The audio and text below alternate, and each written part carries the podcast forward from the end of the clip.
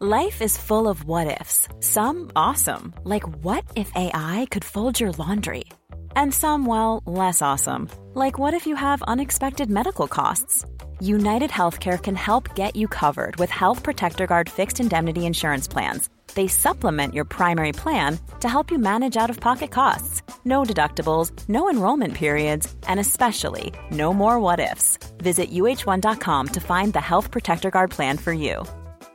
There's never been a faster or easier way to start your weight loss journey than with PlushCare. PlushCare accepts most insurance plans and gives you online access to board-certified physicians who can prescribe FDA-approved weight loss medications like Wigovi and Zepbound for those who qualify.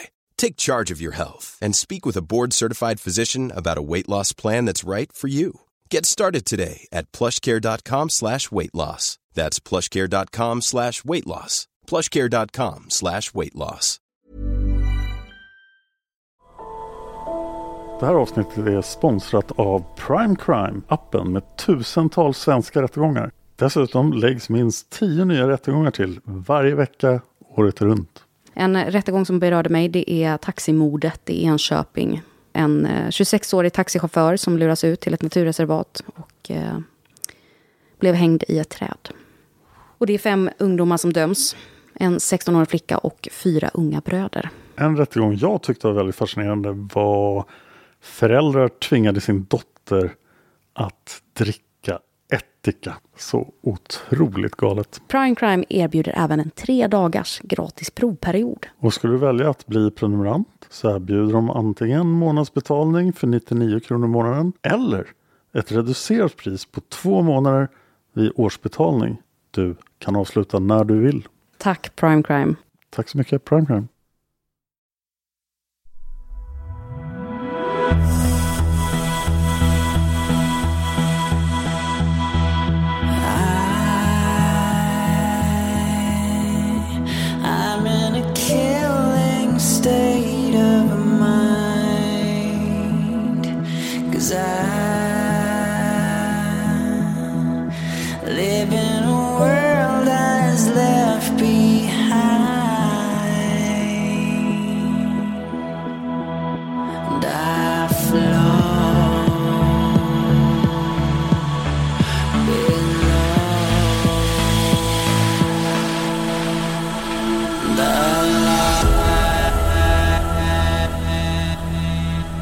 Lyssnar på Mördarpodden. En podcast av Dan Hörning och Josefin Måhlén.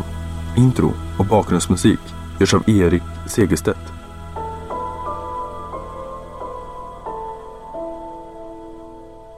Välkommen till Mördarpodden och del två i From Cremus och Lisanne Frone-serien.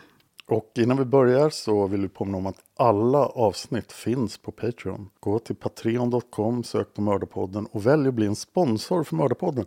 Så kan du redan nu höra alla tio delarna, om jag nu lyckas hålla mig till tio delar, av den här serien. Och då kan du också skriva till simwaypodcast.gmail.com och berätta din teori om vad som hände Chris och Lisanne. Precis, minst tio delar kan vi säga i alla fall finns på Patreon i detta nu. Får jag göra fler delar? Ja då, det får du göra. I förra avsnittet då så åkte ju Chris och Lisanne iväg på sin drömsemester. De hade två underbara veckor i Bocas del Toro. Och nu är de på väg till Boquete. De är på väg till Boquete på Panamas fastland. För Bocas del Toro låg på en ö. De åker buss till Boquete. Och på den här bussen sitter de tillsammans med en till person som är intressant för vår historia. Det är en tysk tjej i deras ålder hon heter Eileen. De har träffat på Eileen i Bocas del Toro. Hon var där samtidigt som Chris och Lisanne var där. Men de verkar inte ha umgåtts. På alla bilder som Lisanne tog, vad jag har kunnat se, så är Eileen inte med på någon av bilderna. Och vad jag förstår är Eileen inte heller nämnd i dagböckerna. Men hon är en ganska viktig person i den här historien. Eileen arbetar på språkskolan Spanska vid floden i Boquete. Det är väldigt oklart om hon är volontär. Men hon är en av dem som arbetar. Hon är den som har absolut lägst status bland de anställda på språkskolan Spanska vid floden i Boquete. Men här på bussen pratar Chris och Lisanne med Eileen och lär känna henne. För att komma till Bukete från Bocas del Toro måste man dels åka över då till fastlandet men sen måste man också åka över vattendelaren. Panama har som en ryggrad lite grann som vattendelaren mellan Sverige och Norge. När det regnar på Sverige och Norge så rinner en del vatten ner i Atlanten och en del vatten ner i Östersjön. Och det är en vattendelare. I Panama går det som en ryggrad genom hela landet. Och på västra och södra sidan så faller regn och det vattnet hamnar i Stilla havet. På andra sidan hamnar det i Atlanten. Och det är vattendelaren. Och den är ganska hög i Panama. Men de åker över den med buss, det finns vägar, det är inte så konstigt. Och då lämnar de provinsen Bocas del Toro och kommer in i provinsen Chiricui, där Bukete ligger. På lördagen den 29 mars 2014 anländer Chris Hulesand med buss till Bukete. Och då måste vi prata om den här staden, för den är helt unik i hela världen och påminner inte om någon annan plats. Det här är ett jättespeciellt ställe. 2014 bor det nästan 20 000 människor i Bukete. Och det har inte ändrats nämnvärt när vi spelar in det här avsnittet 2023. Bukete är extremt populärt bland eh, nordamerikaner och europeer och även andra utlänningar. Ungefär 14 procent av befolkningen i Bukete är inte från Panama. Och anledningen till det här är att Bukete ligger på 1200 meters höjd över havet. Det är jättehögt. Det är som att bygga en stad på ett av Oviksfjällen i Jämtland. Mm. Jag kommer ihåg det att, att det var just, eh, det var inte alldeles för varmt eh, men ändå väldigt behagligt klimat. Och att pensionärer gärna Ja. flyttar gärna dit när de ska pensionera sig. Det är i princip som att bo i en trevlig by i Italien eller Grekland. Så det är inte kallt men inte heller supervarmt som det är i Centralamerika ganska ofta. Dessutom har ju då Panama väldigt liberala skattelagar. Så många utlänningar har byggt fantastiska hus i Bukete. Och de två mest anmärkningsvärda komplexen eller palatsen i Bukete tillhör Mel Gibson och Panamas före detta president. Det här ligger också otroligt off. Provinshuvudstaden David ligger 40 kilometer bort. Och det är en lång och en lång vindlande väg neråt till den. Och David är ungefär lika stort som Gävle. Jaha. Så det är inget stort Nej. ställe. För David ligger också vid, ha, eller vid ehm, Ja, Det ligger också i kusten, eller- men inte vid kusten. Nej, men jag trodde att det var nära... Den ligger på andra sidan från Bocas del Toro, så det är på Stilla havet-sidan. Bocas del Toro ligger i, på Atlantsidan. Men det här är alltså jätteavlägset för att vara i Panama, och långt, långt, långt från kanalen. Boquete har många andra fördelar på grund av sitt klimat. Bland annat är det ett väldigt populärt ställe att odla kaffe på. Det är nästan perfekta förutsättningar för att göra kaffe. Och kaffefarmar finns det massor av i området. Det finns till och med kaffeturer man kan åka och kaffemuseum man kan gå på. Kaffe är den stora produkten från Bukete. Men i närheten av Bukete finns också molnskogen. Just det. Det här är alltså en speciell typ av skog där själva molnen glider in i skogen och blir dimma. Så att skogen ligger uppe bland molnen. Och när man tittar på naturen här i området så påminner den inte om mycket annat. Och det är tydligen kränkande att kalla molnskogen för en djungel. Utan djungeln ligger nedanför molnskogen. Och sen kommer man upp i molnskogen. Men jag har också sett många kalla molnskogen för djungel. Men jag kommer försöka kalla djungeln nedanför molnskogen för djungel. Och molnskogen för molnskog. Den här biotopen molnskog finns bara i ett väldigt smalt bälte på en viss höjd. Och det kräver de rätta atmosfäriska omständigheterna. Så det är jätteovanligt. Och det blir då väldigt, väldigt vackert och mystiskt. Och ibland då när man går i molnskogen så kommer ett moln in och så blir det då tät, tät dimma, man ser ingenting. På grund av alla utlänningar i Bukete så är turistindustrin enorm. Det här är alltså en stad ungefär lika stor som Söderhamn. Nu är jag där igen. Jag, jag bodde där i sex år, jag har inte kommit över än. I Söderhamn finns det tre hotell. I Bukete finns det 50 hotell. Och det är allt från femstjärniga lyxhotell till verkligen sova i någons källare. Alltså jag kommer ihåg att vi beskrev Bukete som en by liksom, i vårt första avsnitt. Men det ser lite ut som en by på vissa bilder. För de Ja. har fotat utkanterna så ligger gårdarna lite, för de måste ju få utrymme för kaffet och sådär. Men det, det är sagolikt vackert. Och det ligger då inramat av molnskogen, bergen. Och så har vi förstås vulkanen Baru, som jag snart ska återkomma till. Stryk det. Vulkanen Baru ligger... Jaha, okej, nu fattar jag. Som jag snart ska åka komma till en sekund senare. Ja. Vulkanen Baru, som alltså är Panamas högsta berg, dominerar landskapet helt och den syns från överallt. Det här är en gigantisk vulkan, den är över 3000 meter hög. Och den är lite aktiv, så den skulle ju kunna få ett utbrott. Den är 3474 meter hög. Och om man då är uppe på vulkanen, för det här är ett populärt turistmål. Och jag kommer snart att berätta om att Lisanne och Chris faktiskt skulle gå upp på Baru. Men eh, när man står på vulkanen då, då kan man väldigt lätt se både Stilla havet och då Karibiska havet, den delen av Atlanten som ligger på andra sidan. Så att du ser båda haven från Baru. Men då krävs det att det är, är bra väder. Baru är i sig ett jättestort turistmål. Och många som ska åka till Baru gör det från Bukete. Men du måste inte göra det från Bukete. Det finns massor av andra vandringsleder från Bukete in i molnskogen och inte bara till vulkanen Baru. En av de mindre och inte alls lika populära vandringslederna som de andra och enligt vissa källor till och med inofficiell vandringsled kallas för El Pianista. Pianisten. Pianistavägen.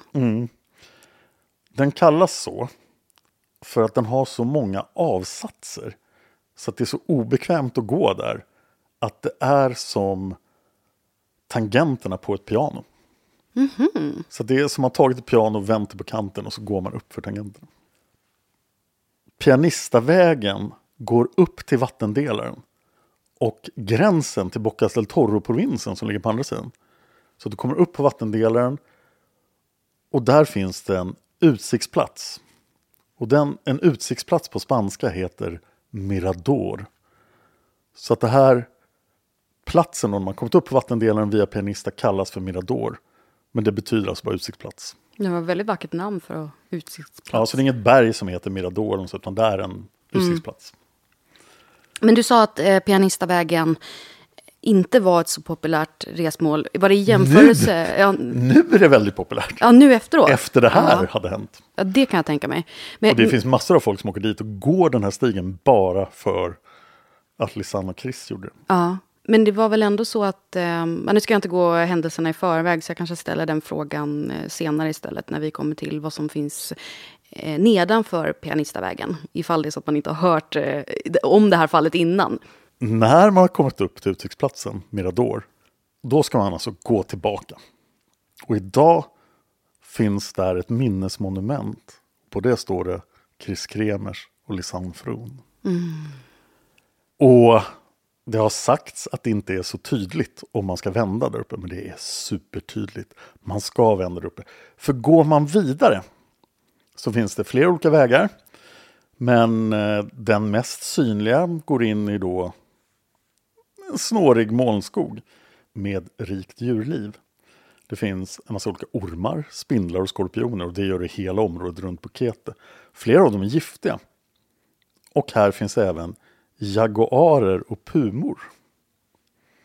Kom ihåg Pianistavägen, men jag kunde inte släppa det här med jaguarer. Och när jag läste på om farliga djur i Panama, för ett djur är ju helt klart en av de misstänkta i det här fallet. Så läste jag om jaguarer. Och jag visste ju sedan tidigare att jaguarer är världens tredje största kattdjur. De är jättestora jämfört med till exempel leoparder eller geparder. Men inte lika stora som tigrar och lejon. Men det finns en jättestor skillnad mellan jaguarer och tigrar och lejon. Tigrar och lejon tvekar inte ett ögonblick att döda en människa. För de har utvecklats genom evolutionen då, genom världshistorien tillsammans med stora primater som människor och lärt sig att det här är ett naturligt bytesdjur. Men det har inte jaguarer. Människan kom till Sydamerika alldeles nyss sett till evolutionen. Så jaguarer betraktar inte människor som byte. Nähä. Jaguar har aldrig kunnat jaga schimpanser och människans föregångare. Så de tycker inte att människor är byte. Så jaguarer, det är väldigt sällan som jaguarer skadar människor. Dessutom är jaguarerna i Panama lite mindre än jaguarerna i Brasilien.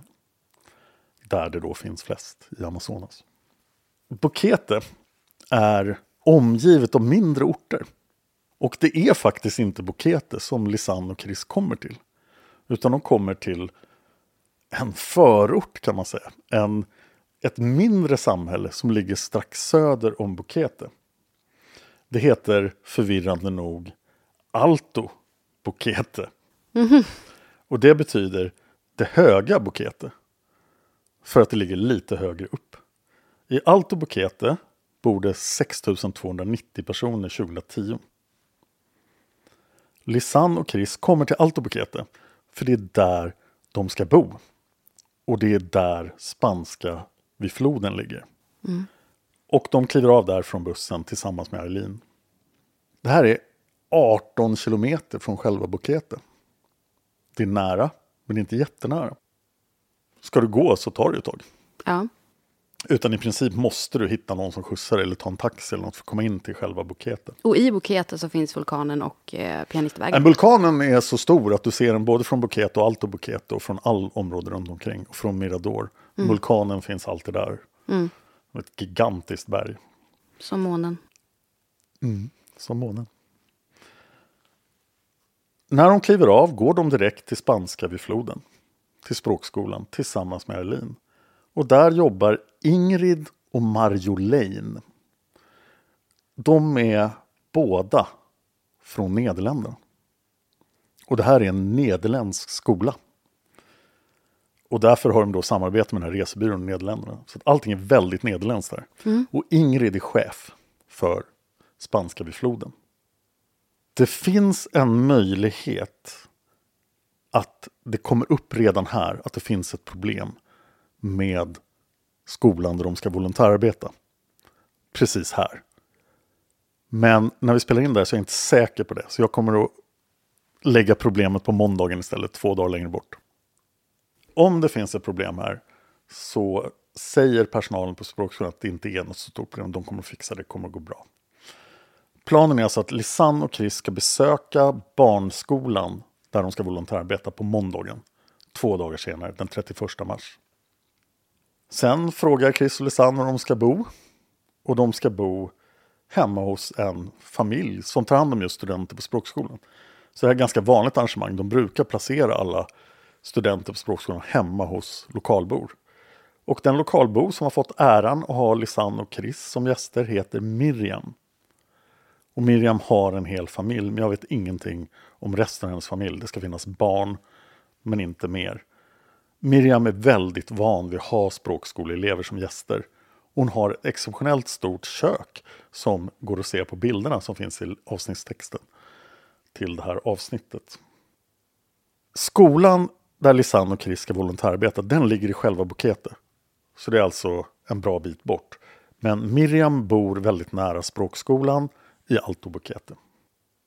Men innan de får träffa Miriam så får de en introduktion och får reda på en massa bra saker som alla turister i Buketområdet behöver känna till. Det här är en introduktion då som man, om ni har varit ute och rest, har ni säkert fått en sån här, det är bara allmän information. Men en sak de får lära sig i introduktionen är att de aldrig ska ge sig ut på en vandring utanför Bukete utan att ta med sig en guide. Aldrig vandra utan guide.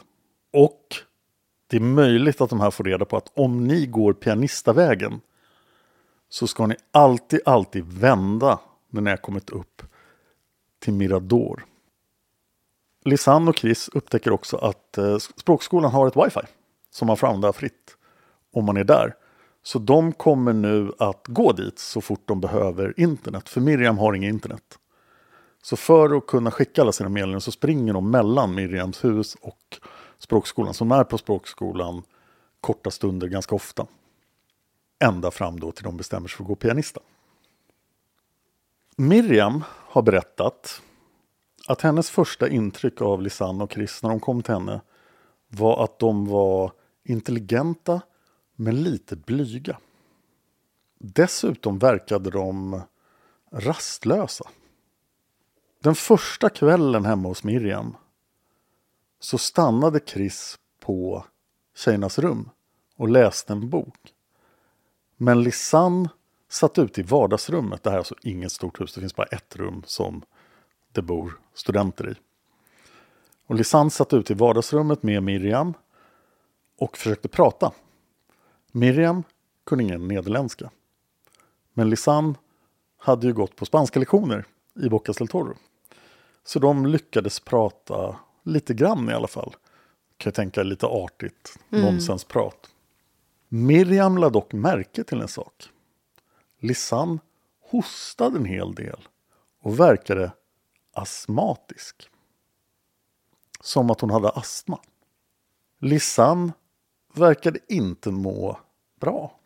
Vi har inte lyckats ta reda på om Lisanne någonsin har haft astma. Men det är möjligt att det är en förkylning. Att det är problem med den höga höjden. Ja, Lisanne hade ju erfarenhet av hög höjd men det var ju kanske ett tag sedan så att hon behöver ställa om sig för den här höga höjden. De flesta som har funderat på det här kom fram till att Lisanne var förkyld här. okej. Miriam noterar speciellt i en artikel när hon blir intervjuad att Lisanne var inte i form för att gå iväg på en längre vandring de närmaste dagarna. I dagböckerna skriver de att de var trötta efter den långa resan och att de sov mycket. Och sen blev det söndagen den 30 mars. De har alltså en dag ledigt innan de behöver gå till volontärskolan där de ska volontära. Och då vill de förstås titta sig omkring lite. Var är de någonstans? Hur ser det ut? Ta lite bilder, kanske gå på en restaurang. Miriam kommer in till dem på morgonen med frukost och frågar vad de har tänkt göra. Och då svarar Lisanne och Chris att de ska vandra runt lite i Bukete, bara lära känna stan. Utforska lite grann, men ingen, de ska inte, definitivt inte ge sig ut i naturen. Och det är precis vad de gör. De beger sig in till själva Bukete från Alto Bukete. Och eh, pratar med lite folk. De äter lunch på Bukete Bistro som är en restaurang som ligger där. Vittnen som har pratat med Lisanne och Chris säger att de verkade väldigt intresserade av de heta källorna. De verkar också intresserade av de gömda vattenfallen. Och det här är två fantastiska platser i närheten av Bukete som inte har någonting att göra med pianista. Okej, så, så att de heta platserna, eller de heta, De heta platserna. De heta platserna. bara till de heta platserna. de heta källorna. De heta källorna och de gömda vattenfallen. Ja, det finns också i Bukete. Ja, i närheten av Bukete. Det finns ju massor av fina vandringsleder och intressanta platser i närheten. Nu har insatsstyrkan hittat oss.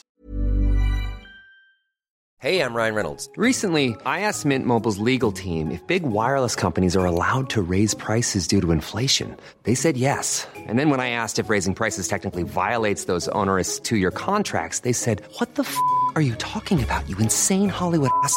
F- So to recap, we're cutting the price of Mint Unlimited from $30 a month to just $15 a month. Give it a try at mintmobile.com slash switch. $45 upfront for three months plus taxes and fees. Promo rate for new customers for limited time. Unlimited more than 40 gigabytes per month. Slows. Full terms at mintmobile.com.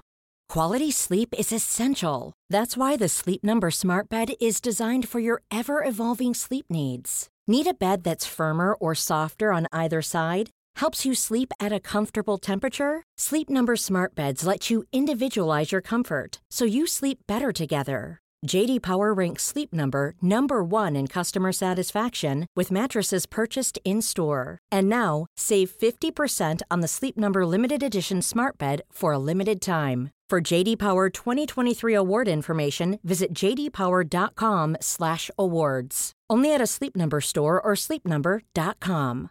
This is Paige, the co-host of Giggly Squad, and I want to tell you about a company that I've been loving, Olive and June. Olive and June gives you everything that you need for a salon quality manicure in one box. And if you break it down, it really comes out to $2 a manicure, which is absolutely insane. It's also so easy to get salon worthy nails at home with Olive and June. The difference between how your nails used to look when you did them yourself and now with the Manny system is a complete game changer. The best thing about Olive and June too is it's a quick dry. Dries in about one minute, lasts for five days, and full coverage in up to one to two coats. Visit oliveandjune.com slash perfectmanny20 for 20% off your first system. That's oliveandjune.com slash perfectmanny20 for 20% off your first system.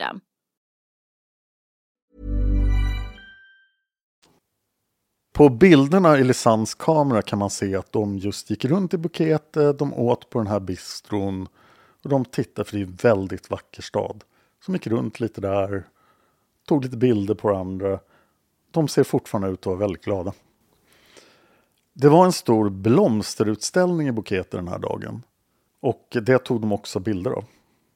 I Bukete finns det också ett ridcenter med en massa hästar dit folk kommer för att rida. Och en anställd på ridcentret har lämnat följande vittnesmål när han såg Lisanne och Chris. Det är väldigt oklart när han såg dem, men det kan ha varit den här dagen. Det måste ha varit efter att de kom dit och innan de gick upp på pianisten. Mm. Arbetaren på hästgården säger citat. De var varma. De var svettiga. De var helt röda från att bara gå i stan. Det såg precis ut som att de inte var anpassade till den höga höjden. Det spelade ingen roll hur vältränade de var, utan den höga höjden hade påverkat dem mycket. Slutcitat. Men det är väl inte så ovanligt att, eh, att man får... För de, nu har de ju varit på den här höga höjden i två dagar. Ja, det här är andra dagen. Ja. Så, så det är klart att just det här med hosten tänker jag också på att det kanske... Man klimatiserar ju sig. Ja, jag vet inte exakt hur lång tid det tar. Inte säga, det beror säkert på hur bra form man är och hur van man är. Men när man tittar på bilderna ser man ingenting av det här. Nej, det gör man ju i och för sig inte. Det har du helt rätt i. Det, det, det gör man verkligen inte. Chris är ju rödhårig. Så hon har förmodligen ganska lätt för att bli röd i ansiktet. Det är inte så vanligt i Bukete bland Panamaborna. Den här personen har kanske missuppfattat det helt och bara sett att Chris var röd i ansiktet och hon måste må jättedåligt. Jaha, ja. Dessutom ja. kan de ha blivit solbrända. Ja, och det skriver ju också Lisanne i sin dagbok. Att de är solbrända, väldigt solbrända. Att de har bränt sig och så. Precis. Men vi, eftersom höjden kan ha varit ett problem här så måste vi dra höjderna här. Bukete ligger på 1200 meter. Alto Bukete lite högre. Pianistastigen börjar på 1278 meter och slutar på 1890 meter. Så Mirador, utsiktsplatsen, ligger på 1890 meter. Det är alltså 600 meter rakt upp med Pianista. Så har man problem med hög höjd ska man förmodligen inte gå en ansträngd vandring 600 meter rakt upp. Jag reagerar verkligen på att de ser ut att må bra, så bra på bilderna. Ja, Så jag har svårt att förstå de här tecknen på att de inte mår bra. Miriam berättar att Lisanne och Chris kom hem före solen gick ner den här söndagen. Och solen går ner i slutet av mars i Panama runt 1840. Josefin visar just en bild på Lisanne i Ah. Bukete. Och ja jag vet inte om det är i buketen. hon ser men... solbränd ut på det. Ja, men hon ser solbränd ut. Så det, det kanske var det då. Sen så, så la sig solbrännan. För här tycker jag faktiskt att man ser att hon är mer solbränd. Ja, där såg hon riktigt solbränd Ja, ut. där såg hon riktigt solbränd ut. Miriam säger att de kom hem innan solen gick ner och sen tillbringade de hela kvällen med Miriam och hennes familj. Det här är alltså den sista lediga dagen för Chris och Lisanne på ett tag, tror de. Skulle du hänga med din värdfamilj här? Eller skulle du passa på att gå ut och se vad som händer i Bukete? För det finns nattklubbar, det finns barer, det finns ställen för unga människor att festa på i Bukete. Det är inte en by. Ja, nej men alltså, speciellt tänker jag på Chris och Lisanne som är väldigt eh, eh, sociala, eh, utåtriktade. Ja, Chris i alla fall. Ja, Chris ja. Men även Lisanne, alltså, hon, hon vill ändå Hon prata. Och, ja, men precis. Och hon känner sig säkert lite trygg med att vara med Chris. Som har lätt att ta för sig. Så jag kan tänka mig att, eh, att de vill ut. Men sen är de ju också väldigt trötta efter resan. Och Ja, fast vill... de har ju inte åkt så långt. Den jobbiga resan var ju förut, två veckor tidigare. Nu har de bara åkt buss Ja, över tänk- vattendelaren. de beskrev i dagboken att de var trötta. Ja, det gjorde de. Det finns vittnen som säger att Chris och Lisanne sågs dansa och ha roligt på en klubb i Bokete den här kvällen. Och det är här de första Mariana-vittnesmålen kommer. Att Chris och Lisanne var väldigt intresserade av att köpa Mariana i Bokete. Och det nämner jag här för det kommer vi prata jättemycket om i avsnitt 9. Lisanne och Chris hade en jättebra kontakt med sina föräldrar. Och föräldrarna har bestämt förnekat det här. De tror stenhårt att Chris och Lisanne var hemma den här kvällen med Miriam. Men vad säger Miriam då? Ja, hon säger att de var hemma Ja. hos henne. Och vad har hon för anledning att ljuga om det? Att hon var en dålig värdfamiljsvärd? Eh? Själva utredningen är ganska dålig. Utan Miriam har sagt det här till tidningar. Och Hon kanske tar fel på kväll eller frågan Mm. Ja, är konstformulerad. Ja.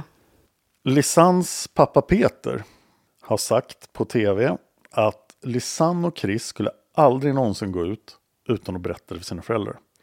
De skulle garanterat ha berättat det här om de skulle gå ut eller om de skulle komma hem sent för då skulle de vara oroliga. De skulle aldrig gå ut utan att berätta för oss. De var väldigt förnuftiga tjejer. Men det här är ju bra om ens pappa tror. Men hur många 22-åringar finns det som har gett det här intrycket till sin pappa och sen kanske inte riktigt gör så här i verkligheten. Dagböckerna är ju ändå lite intressanta där. Dagböckerna nämner ingenting om Nej. att de varit ute och definitivt förstås ingenting om marianer så det vore ett väldigt dumt att skriva i dagboken i ett land där det är jätteolagligt med marianer. Oavsett om de gick ut eller inte på söndagskvällen så blir det måndagen den 31 mars 2014. Och nu ska de gå till Guardaria Aura som är en då skola i Bukete för lokala barn. Jag bara- bara säga att min spontana känsla är faktiskt att de inte har gått ut. Just för att de är väldigt, alltså även om de har det här, herregud de är ju 22 år, det är klart att de, och de är utåtriktade och de tycker om att eh, parta och sådär. Så är de också väldigt drivna när det kommer till eh, att lära sig saker. De har båda tagit utbildningar och de är, eh, så att, ja, jag tror nog att de tog en liten hemmakväll. De är också jättetaggade inför det här volontärbete. Ja. De har gjort en insamling hemma i Nederländerna innan de åkte. Och samlat in pengar från alla vänner och bekanta. De har nästan varit lite jobbiga. För att kunna köpa leksaker till barnen i buketet. Så de har med sig de här pengarna också. Och ska nu, nu ska de lära känna skolan och sen ska de börja volontärarbeta där. Och det här är väldigt viktigt för dem. De känner enormt starkt för att ge någonting till det här samhället och kunna bidra. De ska inte få någonting betalt för det här. Det enda sättet att påverka dem ekonomiskt är att de har inte chansen att springa runt och festa massa när de ska volontärarbeta. Så de sparar ju pengar på volontärarbete. De får förmodligen mat också där.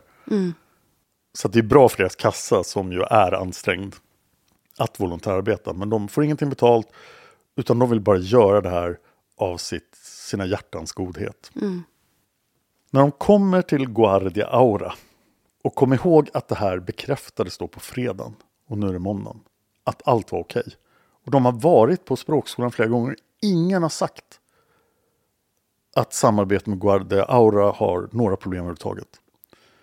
Utan Chris och Lisanne tror att det här är, de ska bara gå dit och börja volontärarbeta. Men så är det inte alls. Utan chefen för Guardaria Aura, Ingrid. nej, det var språkskolan. Jaha. Man ska komma ihåg att det är två skolor, det är Spanska vid floden och Guardaria Aura som är den vanliga inhemska barnskolan där de ska volontärarbeta. För i vissa varianter av det här fallet folk berättar, då är det en skola, men det är verkligen två helt olika skolor. Ja. Spanska vid floden drivs av nederländare, men Guardaria Aura är en Panama-skola, en Okej. Bukete-skola. Och chefen är inte där. Men efter ett tag kommer chefen och pratar med Chris och Lisanne. Och vi vet inte riktigt vad hon säger. Men hon har senare intervjuats. Hon heter Maria Elena. Hon har till och med förhörts av polisen om vad hon faktiskt sa till Chris och Lisanne. Men hon säger till polisen senare, citat, de där två tjejerna, de var bara typ 18. Och de kunde inte prata spanska. De pratade till mig med något konstigt språk som lät lite som franska. Och jag sa till dem, jag behöver inga volontärarbetare. Och det förstod de. Slutcitat. Men alltså vad otrevligt. Hon är jätteotrevlig. Och Lisanne och Chris har alltså förberett det här, fått okej från resebyrån, fått okej från spanska vid floden och hade väntat sig att arbeta på den här volontärskolan i tre eller fyra veckor.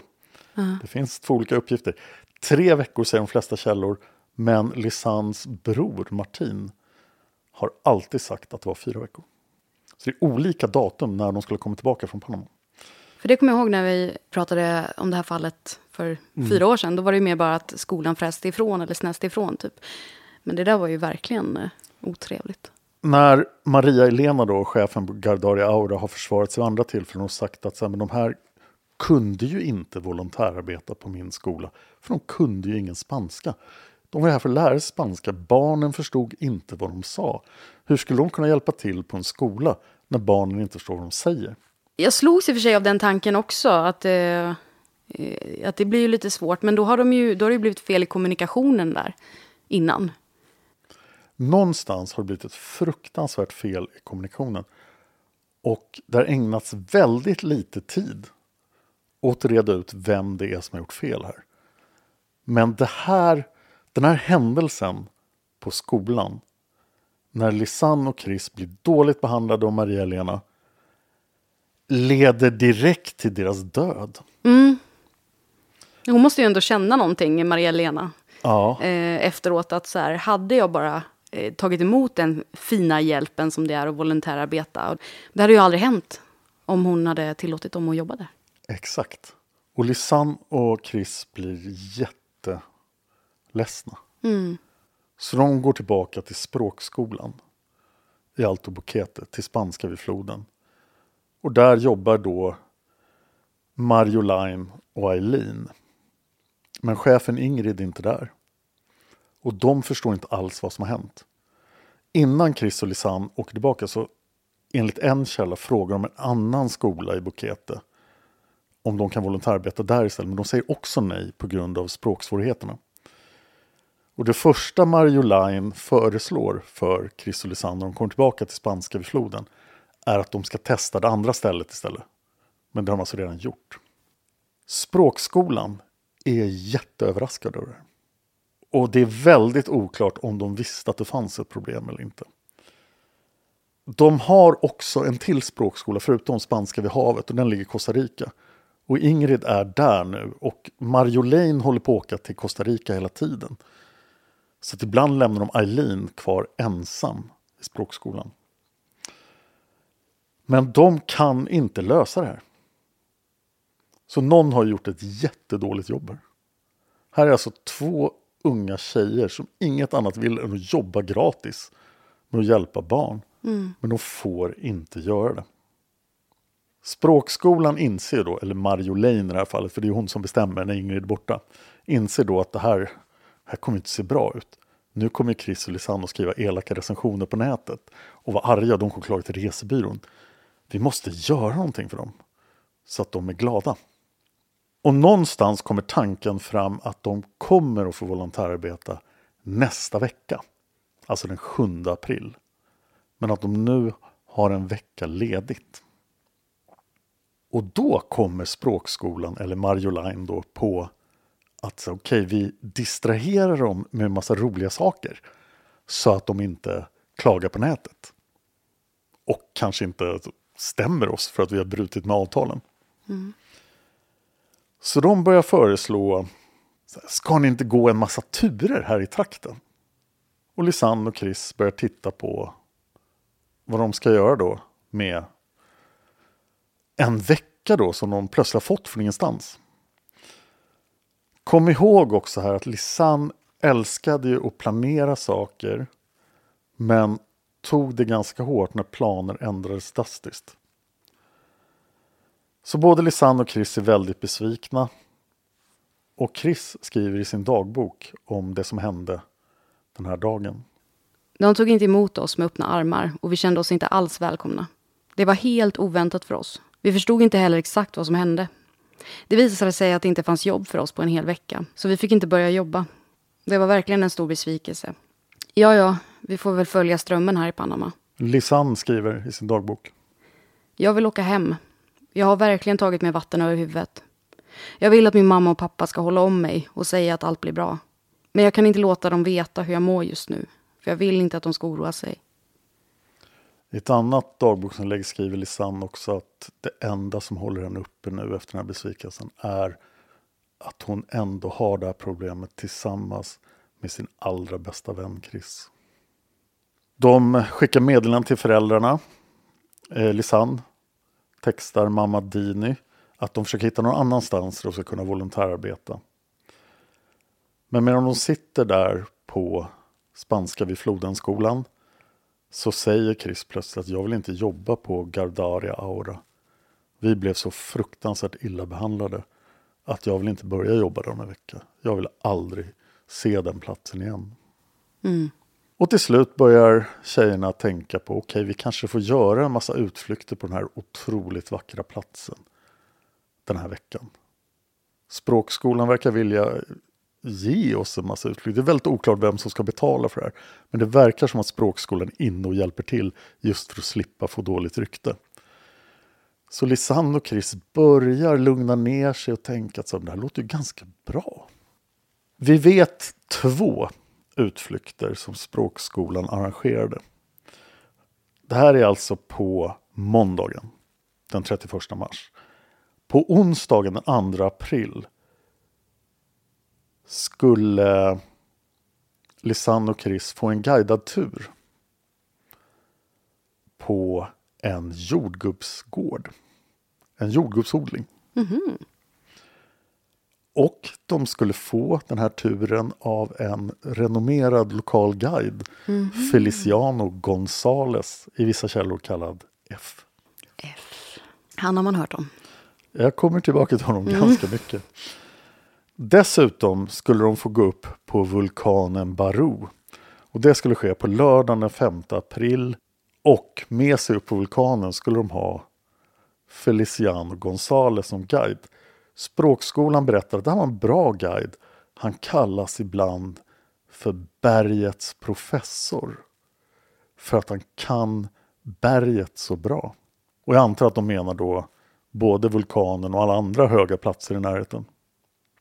Det finns också en annan guide som heter Bergets mästare. Varför valde de inte han?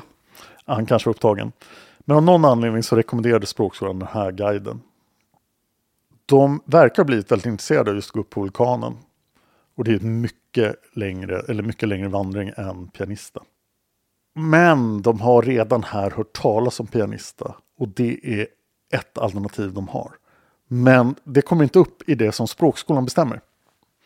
Det är en så liten obetydlig vandringsled. Så språkskolan erbjuder inte dem att gå upp på pianista. Och det är inte heller något de är superintresserade av. För nu får de ju den här, oj vi får åka till jordgubbsodlingen, vi får gå upp på vulkanen och förmodligen är det tre andra turer också de blir erbjudna. Vi vet att Lisanne och Chris telefoner har kontakt med wifi på språkskolan klockan 16.44 den här måndagen. Det är ett absolut viktigt faktum som vi känner till. Och det kommer jag kanske komma tillbaka till när vi börjar spåna teorier massor. Men kvart i fem på eftermiddagen på måndagen är Lisanne och Chris på språkskolan och försöker fortfarande hantera det här problemen som uppstått. Lisans mamma, Dini, har uttalat sig i media ganska många gånger och i en talkshow säger hon att Eh, tjejerna hade problem. De försökte komma på nya saker att göra. Och Lisanne hade skickat ett meddelande på WhatsApp som sa Vi har bestämt oss för att besöka en massös istället. Och då blev Dini orolig. Och då hade Lisanne svarat men det är en nederländsk massös. Hon heter Sigrid. Och det verkar mycket riktigt som att Lisanne och Chris har besökt den här massösen, Sigrid, i Alto Bukete. Och att de då gick och tog en massage helt enkelt. För att lugna ner sig och må lite bättre. Den här massagen ska ha hänt mellan klockan 18 och 20.30 på måndagskvällen. Jag poängterar det här 16.44 och massösen väldigt mycket. För vad som händer den här måndagskvällen är numera ganska oklart. Det är möjligt att Lisanne och Chris, och kanske efter massösen också då, för 20.30 vet vi ju, att de gick på en privat fest på måndagskvällen. Gå ut på klubb i Bukete på måndag kväll, kanske stället är ju inte särskilt stort. Men de ska ha gått på en privat fest i en del av Bukete som heter Palo Alto. Palo Alto är den del av Bukete som ligger närmast början på Pianistastigen. Och det här kommer jag också återkomma till i avsnitt 9. Even when we're on a budget, we still deserve nice things. Quince is a place to scoop up stunning high-end goods for 50 to 80% less than similar brands. They have buttery soft cashmere sweaters starting at $50, luxurious Italian leather bags, and so much more. Plus, Quince only works with factories that use safe, ethical, and responsible manufacturing. Get the high-end goods you'll love without the high price tag with Quince. Go to quince.com slash style for free shipping and 365-day returns. Nu har ju Chris och Lisanne ett problem. Språkskolan, har, eller de har många problem, men de har ett akut problem. Språkskolan har ju sagt vi kommer att roa er hela veckan. Men vi hinner ju inte riktigt fixa någonting tills imorgon. Imorgon är tisdagen den 1 april 2014. Tror ni att ni kan roa er själva? Och i nästa avsnitt kommer Lisanne och Chris komma på någonting att göra den här tisdagen, den här dagen som de inte har någonting att göra. På onsdagen ska de åka till jordgubbsodlingen med den här trevliga lokala guiden som de förmodligen inte någonsin har träffat här på måndagskvällen. Är man helt hundra på det? Nej. Okej. Men min övertygelse nu är att de inte har träffat Feliciano på måndagskvällen. Och de har inte heller bestämt sig vad de ska göra. Det enda folk har hört någonting om är att de återigen har nämnt de varma källorna. Men tisdagen, det är ju den tisdagen som är väldigt inristad i den här historien, eller hur? Det är den tisdagen. Mm, det är den tisdagen. Och det kommer vi få reda på i nästa avsnitt då. Ja, jättebra detaljerat. Eh, tack Dan. Och tack till Jeremy Cright för allt hans arbete med det här fallet. Hans artiklar i Daily Beast och podden Lost in Panama. Eh, och eh, läs Jeremy Crights saker. Mm. Kanske inte de äldsta sakerna från 2016 då, för han har ändrat åsikt sedan dess. Mm. Men jag rekommenderar verkligen Lost in Panama. Tack också till Scarlett R som är en nederländsk bloggare. Det finns i avsnittstexten en länk till hennes blogg och alla Lisans bilder. Scarlett har sammanställt det här fallet på ett fantastiskt sätt. Och bloggen är extremt läsvärd. Och det finns massor av saker där som jag inte har plats att ta med på de här tio avsnitten. Mm.